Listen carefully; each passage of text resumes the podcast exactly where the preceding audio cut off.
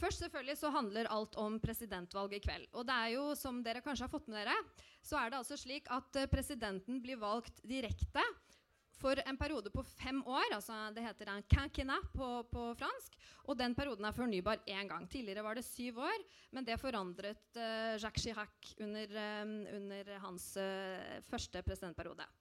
Eh, og for å få bli, bli, valgt så må en kandidat ha absolutt eh, flertall, altså over halvparten. Og hvis eh, en kandidat da ikke får over halvparten i første valgomgang, så avholdes det en annen valgomgang. Og i det vi kaller Den femte republikk, altså det, det regimet som eh, har eksistert i, Norge, i, Frankrike siden 1958, så har det aldri skjedd at en kandidat har fått eh, flertall absolutt flertall etter én omgang. Så det har alltid vært to valgomganger. Og dette med direkte valg på presidenten det ble innført av Charles de Gaulle i 1962 for å styrke båndene mellom president og folk, og for at presidenten skulle få større folkelig legitimitet. Men så altså Hvordan ser partilandskapet i Frankrike ut? Dette er eh, de tolv viktigste partiene i Frankrike. Eh, det er vanskelig å gi en sånn én-til-én-oversettelse i eh, norske termer. Men eh, det, her går det fra venstre, ytre venstre til ytre høyre. Så da har vi en, eh, et par eh, trotskistpartier. Lutte Ouvrière, Nouveau Parti Anticapitalist, som er helt ytterst på, på, eh, høyre, nei, på venstre fløy. Så har vi Parti de Gauche, som ikke har vært noe særlig til stede dette valget. Fordi det er det gamle partiet til eh, Jean-Luc Mélenchon, som mange av dere kjenner til, som har startet sin egen bevegelse, som jeg skal komme tilbake til. Så har det selvfølgelig Kommunistpartiet, som lenge var veldig stor i Frankrike. Etter krigen så var det lenge det største partiet eh, i landet. Eh, men de er nå en, en, minoritet. Så har vi Miljøpartiet De Grønne, for å si det på den måten. Gamle partiet til Eva Jolie. Sosialistpartiet, selvfølgelig. Det kongelige franske Arbeiderpartiet. Så har vi eh, noen eh, partier i, i, sentrum, der det største vel er eh, UDI. Og så Le Républicain, som er da eh, tradisjonelt det største partiet på, høyre, på høyresiden, Gaullistpartiet, de, de konservative. Debout la France er et utbryterparti fra Les Républicains, som ligger da et sted mellom, eh, mellom Les Républicains og eh, Front National. Og deres leder heter Nicolas Dupont-Aignan. Han har ikke vært så veldig kjent eh, for mange hittil, men eh, etter at eh, Marine Le Pen kunngjorde at han ville bli hennes statsminister, så er det flere som har fått øynene opp for han. Så det er altså de, eh, de, viktigste partiene. Som dere ser, er det et flerpartisystem. Men tradisjonelt og historisk så er det altså to blokker, en på høyre og en på venstre side, som har vært dominerende. Som har hatt makta de siste 50-60 årene. Og det er Sosialistpartiet og Golistpartiet. Hvordan har det så eh, vært i år? Eh, det, har, det hele denne tradisjons... Eh, pregede partisammensetningen, partisystemet, har blitt utfordra av nye bevegelser. Både En Marche, som, eh, som, da ikke uttales En Marché, som jeg hørte tidligere i dag. Um, en Marche, som er ledet av Emmanuel Macron, det regner jeg med også med at de fleste har fått med seg, uh, er ikke et tradisjonelt parti, og det er heller ikke La France insoumise, som det står her. Uh, å være insoumis betyr at man ikke lar seg kue, at man, uh, at man gjør opprør, at man, at man, ikke lar seg underkaste. Og Det er altså denne folkebevegelsen til Jean-Luc Mélenchon som jeg nevnte i stad. Og det er jo veldig interessant at begge disse har da valgt å stå nettopp utenfor de tradisjonelle partiene, som er et bevisst valg fordi at det er en økende skepsis, for ikke å snakke om forakt, for politikere og tradisjonelle partier i Frankrike. Så når man velger å stå utenfor det, så markerer man på mange måter at man, at man har lyttet til, eh, til, den skepsisen og til den forakten.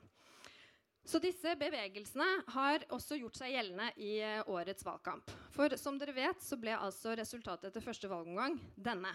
Det var Emmanuel Macron fra denne bevegelsen en marche som komitet foran Nasjonal Front. Og det er altså første gang i eh, Den femte republikks historie at både Sosialistpartiet og Gaullistpartiet, altså de konservative, er ute av spill før første valgomgang. Så på den måten så kan man virkelig snakke om en politisk revolusjon. Og selv om det ikke det politiske landskapet er helt nytt, fordi det Nasjonal Front har jo vært eh, lenge en, en kraft eh, i, i, partilandskapet, har all, tidligere i 2002 også kommet til andre valgomgang Og Frankrike har hatt en sentrumskandidat eh, ved makta tidligere, Valéry Giscard d'Estaing, fra 74 til 81. Men det, er, det, som er nytt, er at det er første gang ingen av de dominerende er til stede i andre valgomgang. Vi ser François Fillon, som må vel eh, ta mye av skylden for at ikke Gaullistpartiet kom til andre valgomgang denne gang pga. disse skandalene. Han endte på tredje. Og Jean-Luc Mélenchon, altså, som kom som ei kule på slutten av eh, valgkampen, han endte altså nesten likt med Fillon. Sånn at denne, eh, Vi ser hvor tett det var mellom de fire første. Det er også veldig uvanlig i fransk politikk. Det pleier, pleier å peile seg ut to, maks tre favoritter eh, som det står mellom. At det er så jevnt i toppen, det, det, er også ganske nytt. Selvfølgelig er det også ganske iøynefallende dette resultatet som eh, Benoit Hamon, kandidaten til Sosialistpartiet, fikk. Den dominerende eh, kraften på venstresiden fikk en oppslutning på 6,36. Det eh, er det mange årsaker til, som man sikkert skal komme tilbake til. Men eh, annet er jo det også selvfølgelig knyttet til den svært upopulære presidenten Francois Hollande, som kommer fra nettopp dette partiet.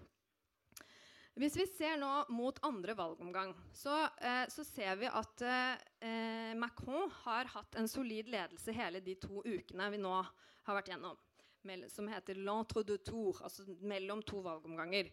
Han har ligget og vaket på mellom eh, 61, 62 eh, og 59 på det laveste, mens Marine Le Pen har ligget mellom ja, 39, maks 41, så 38. Så det har vært en ganske sånn stabil eh, forskjell mellom disse to. Uh, hvis, man, hvis, jeg skal oppsummere den, uh, denne perioden mellom de to omgangene, så kan vi si at Marine Le Pen hadde nok en veldig god første uke. Der hun var, fremsto mer offensiv, uh, gjorde det bra i TV-intervjuer, hadde et bra, gode medieutspill. men så gikk hun for å si det litt sleivete, litt på trynet i den andre uka.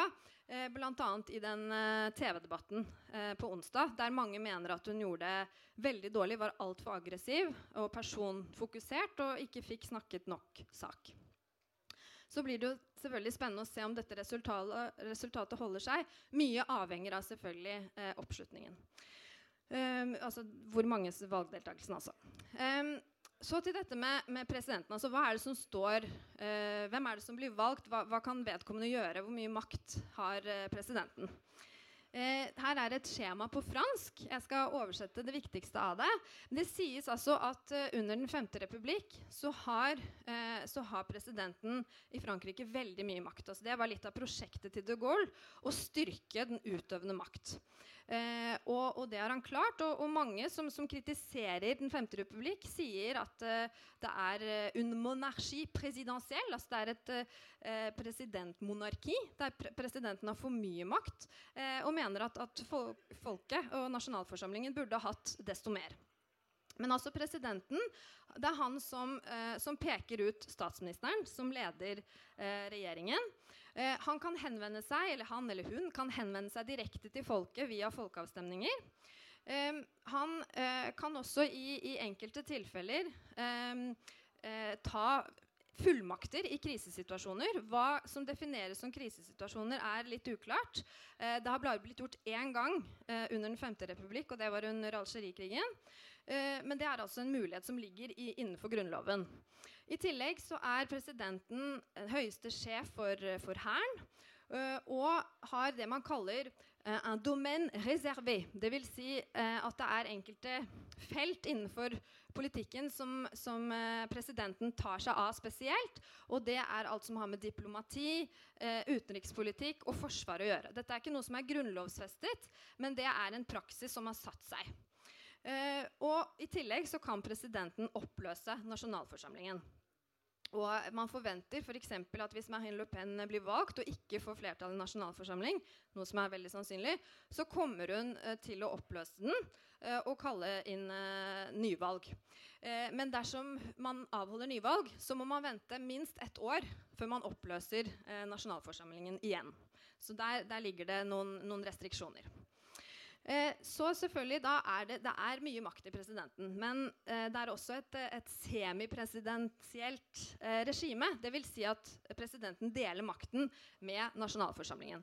Og Derfor så kaller man da dette valget som kommer i juni, election legislative, altså valget til nasjonalforsamling, man kaller det ofte tredje runde i presidentvalget. Fordi det er da presidenten eh, forhåpentligvis da skal sette sammen et styringsdyktig flertall, slik at det valgprogrammet han har gått til valg på, kan bli en realitet. Fordi hvis, hvis, presidenten ikke får flertall i nasjonalforsamlingen, så risikerer han å bli ganske handlingslammet. Fordi eh, nasjonalforsamlingen må vedta eh, lovene osv.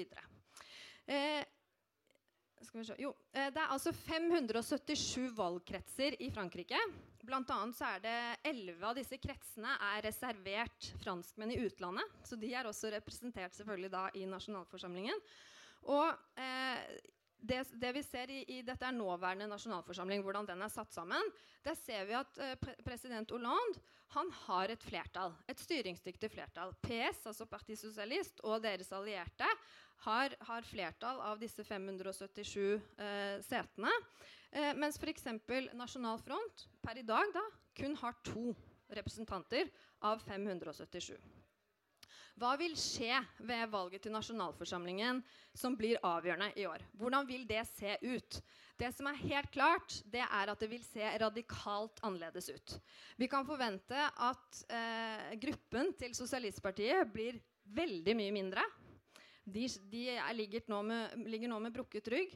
Vi kan forvente at eh, altså de konservative, vil ønske å gjenreise kjerringa. Nå er Fillon ute. De har fått inn en ny ny i gåseøyne, litt sånn Macron-aktig, eh, sjarmerende eh, type som heter Francois Barouin, som er eh, en kronprinsen til eh, Sarkozy. Han skal lede partiet nå fram til eh, valg til nasjonalforsamling. Og der håper de å virkelig ta hevn og få en stor gruppe. Det, det kan godt hende de får. Det som også er sikkert, er at Nasjonal Front kommer til å øke sin gruppe. De kommer til å gå fra to til kanskje 15, kanskje 20, kanskje 40, kanskje 60. Jeg har sett ulike prognoser, men det som er sikkert, er at de kommer til å bli mye sterkere enn de er i dag. Og det er selvsagt veldig viktig for, for dem for å styrke sin posisjon og, og mulighet til å, til å, påvirke politikken eh, i Frankrike. Jeg har se, som sagt sett ulike spådommer, og, og mye, mye, mye, av eh, eh det folk lurer på, er hva med Macron? Hvis han vinner, har han mulighet til å få flertall alene? Og hvordan skal han i så fall gjøre det? Han har jo ikke noe parti engang. Vel, det er mulig. Fordi eh, han trenger ikke noe parti. Han trenger bare eh, folk som vil stå på lista hans. Og han trenger 577 navn, én til hver valgkrets. Og han har han har planlagt dette lenge. Han har hatt eh, en, en, åpen kampanje gående der hvem som helst kan søke via nettsidene hans om å stå på denne, denne listen over disse 577 navnene. Eh, og det kan være, det han har sagt, er at han ønsker å fornye eh, fransk politikk. Nye ansikter skal inn. Kun 50% av de som står på den listen, skal være gamle travere i fransk politikk. Resten skal være nye ansikter. Fra det sivile samfunn, fra næringslivet, fra kulturlivet, fra akademia, fra ditt og datt. Og han vil også ha 50 kvinner, noe som er ganske radikalt i, i Frankrike. Eh, men det er altså en komité nå på sju, sju, personer som sitter og går gjennom denne listen. Og så er det veldig mange fra særlig Sosialistpartiet, men også fra sentrumspartiene og fra Le Républicain, som har sagt at de støtter Macron. Og hvis de skal stå på hans liste, ja, da må de gi avkall på sin gamle partitilhørighet. Da må de velge marche. Og da tar de jo en sjanse, for da er det jo ikke garantert noe.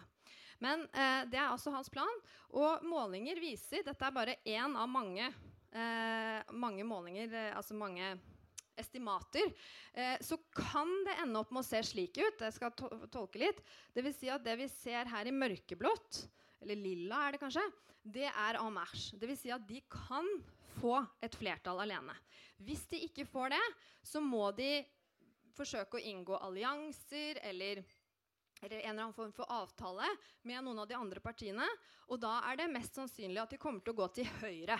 Selv om Emmanuel Macron har vært eh, statsråd i en sosialistregjering, så vil han sannsynligvis gå til høyre eh, etter valget. Fordi eh, alle, alle, tall viser at eh, de konservative kommer til å ha en mye større gruppe enn Sosialistpartiet, som vi ser her så vidt. Eh, en liten flik av på, på venstre side. Så, så det, eh, det, er altså mulig at han må inngå en eller annen form for, for koalisjon. Og da kan det fort bli sånn at eh, han må inn i en såkalt cohabitation. Altså et samboerskap der man har en president fra én politisk farge med en statsminister fra en annen politisk farge. Og det har skjedd tre ganger i løpet av Den femte republikk. For så var eh, François Mitterrand president med Jacques Chirac som statsminister. Jacques Chirac var eh, president med Lionel Jospin fra Sosialistpartiet som statsminister. Så dette har vi hatt før. Det nye er at det aldri har skjedd eh, etter at man la om valgkalenderen. Eh, for nå har det ganske lenge vært sånn at valget til nasjonalforsamlingen kommer rett etter presidentvalget. slik at Tanken er at presidenten skal surfe på en slags medvindsbølge og kapre majoriteten fordi folket ønsker at han skal ha det. Folket ønsker at han skal få satt politikken ut i praksis. Så får vi se da om dette funker for Emmanuel Macron hvis han skulle vinne. Hvis Marine Le Pen skulle vinne, så ser vi her er det et relativt moderat estimat. Kanskje 15, 15 representanter. Veldig mulig at hun får my mye mer enn det, men hun er nok veldig langt unna å få et flertall. Og hun vil også ha problemer med å skape allianser utover den hun allerede har etablert med De Boule France. Sånn at uh, Hun vil nok slite mer uh, enn det Macron vil. Men også for hans del er det uvisst om han vil klare å oppnå dette flertallet.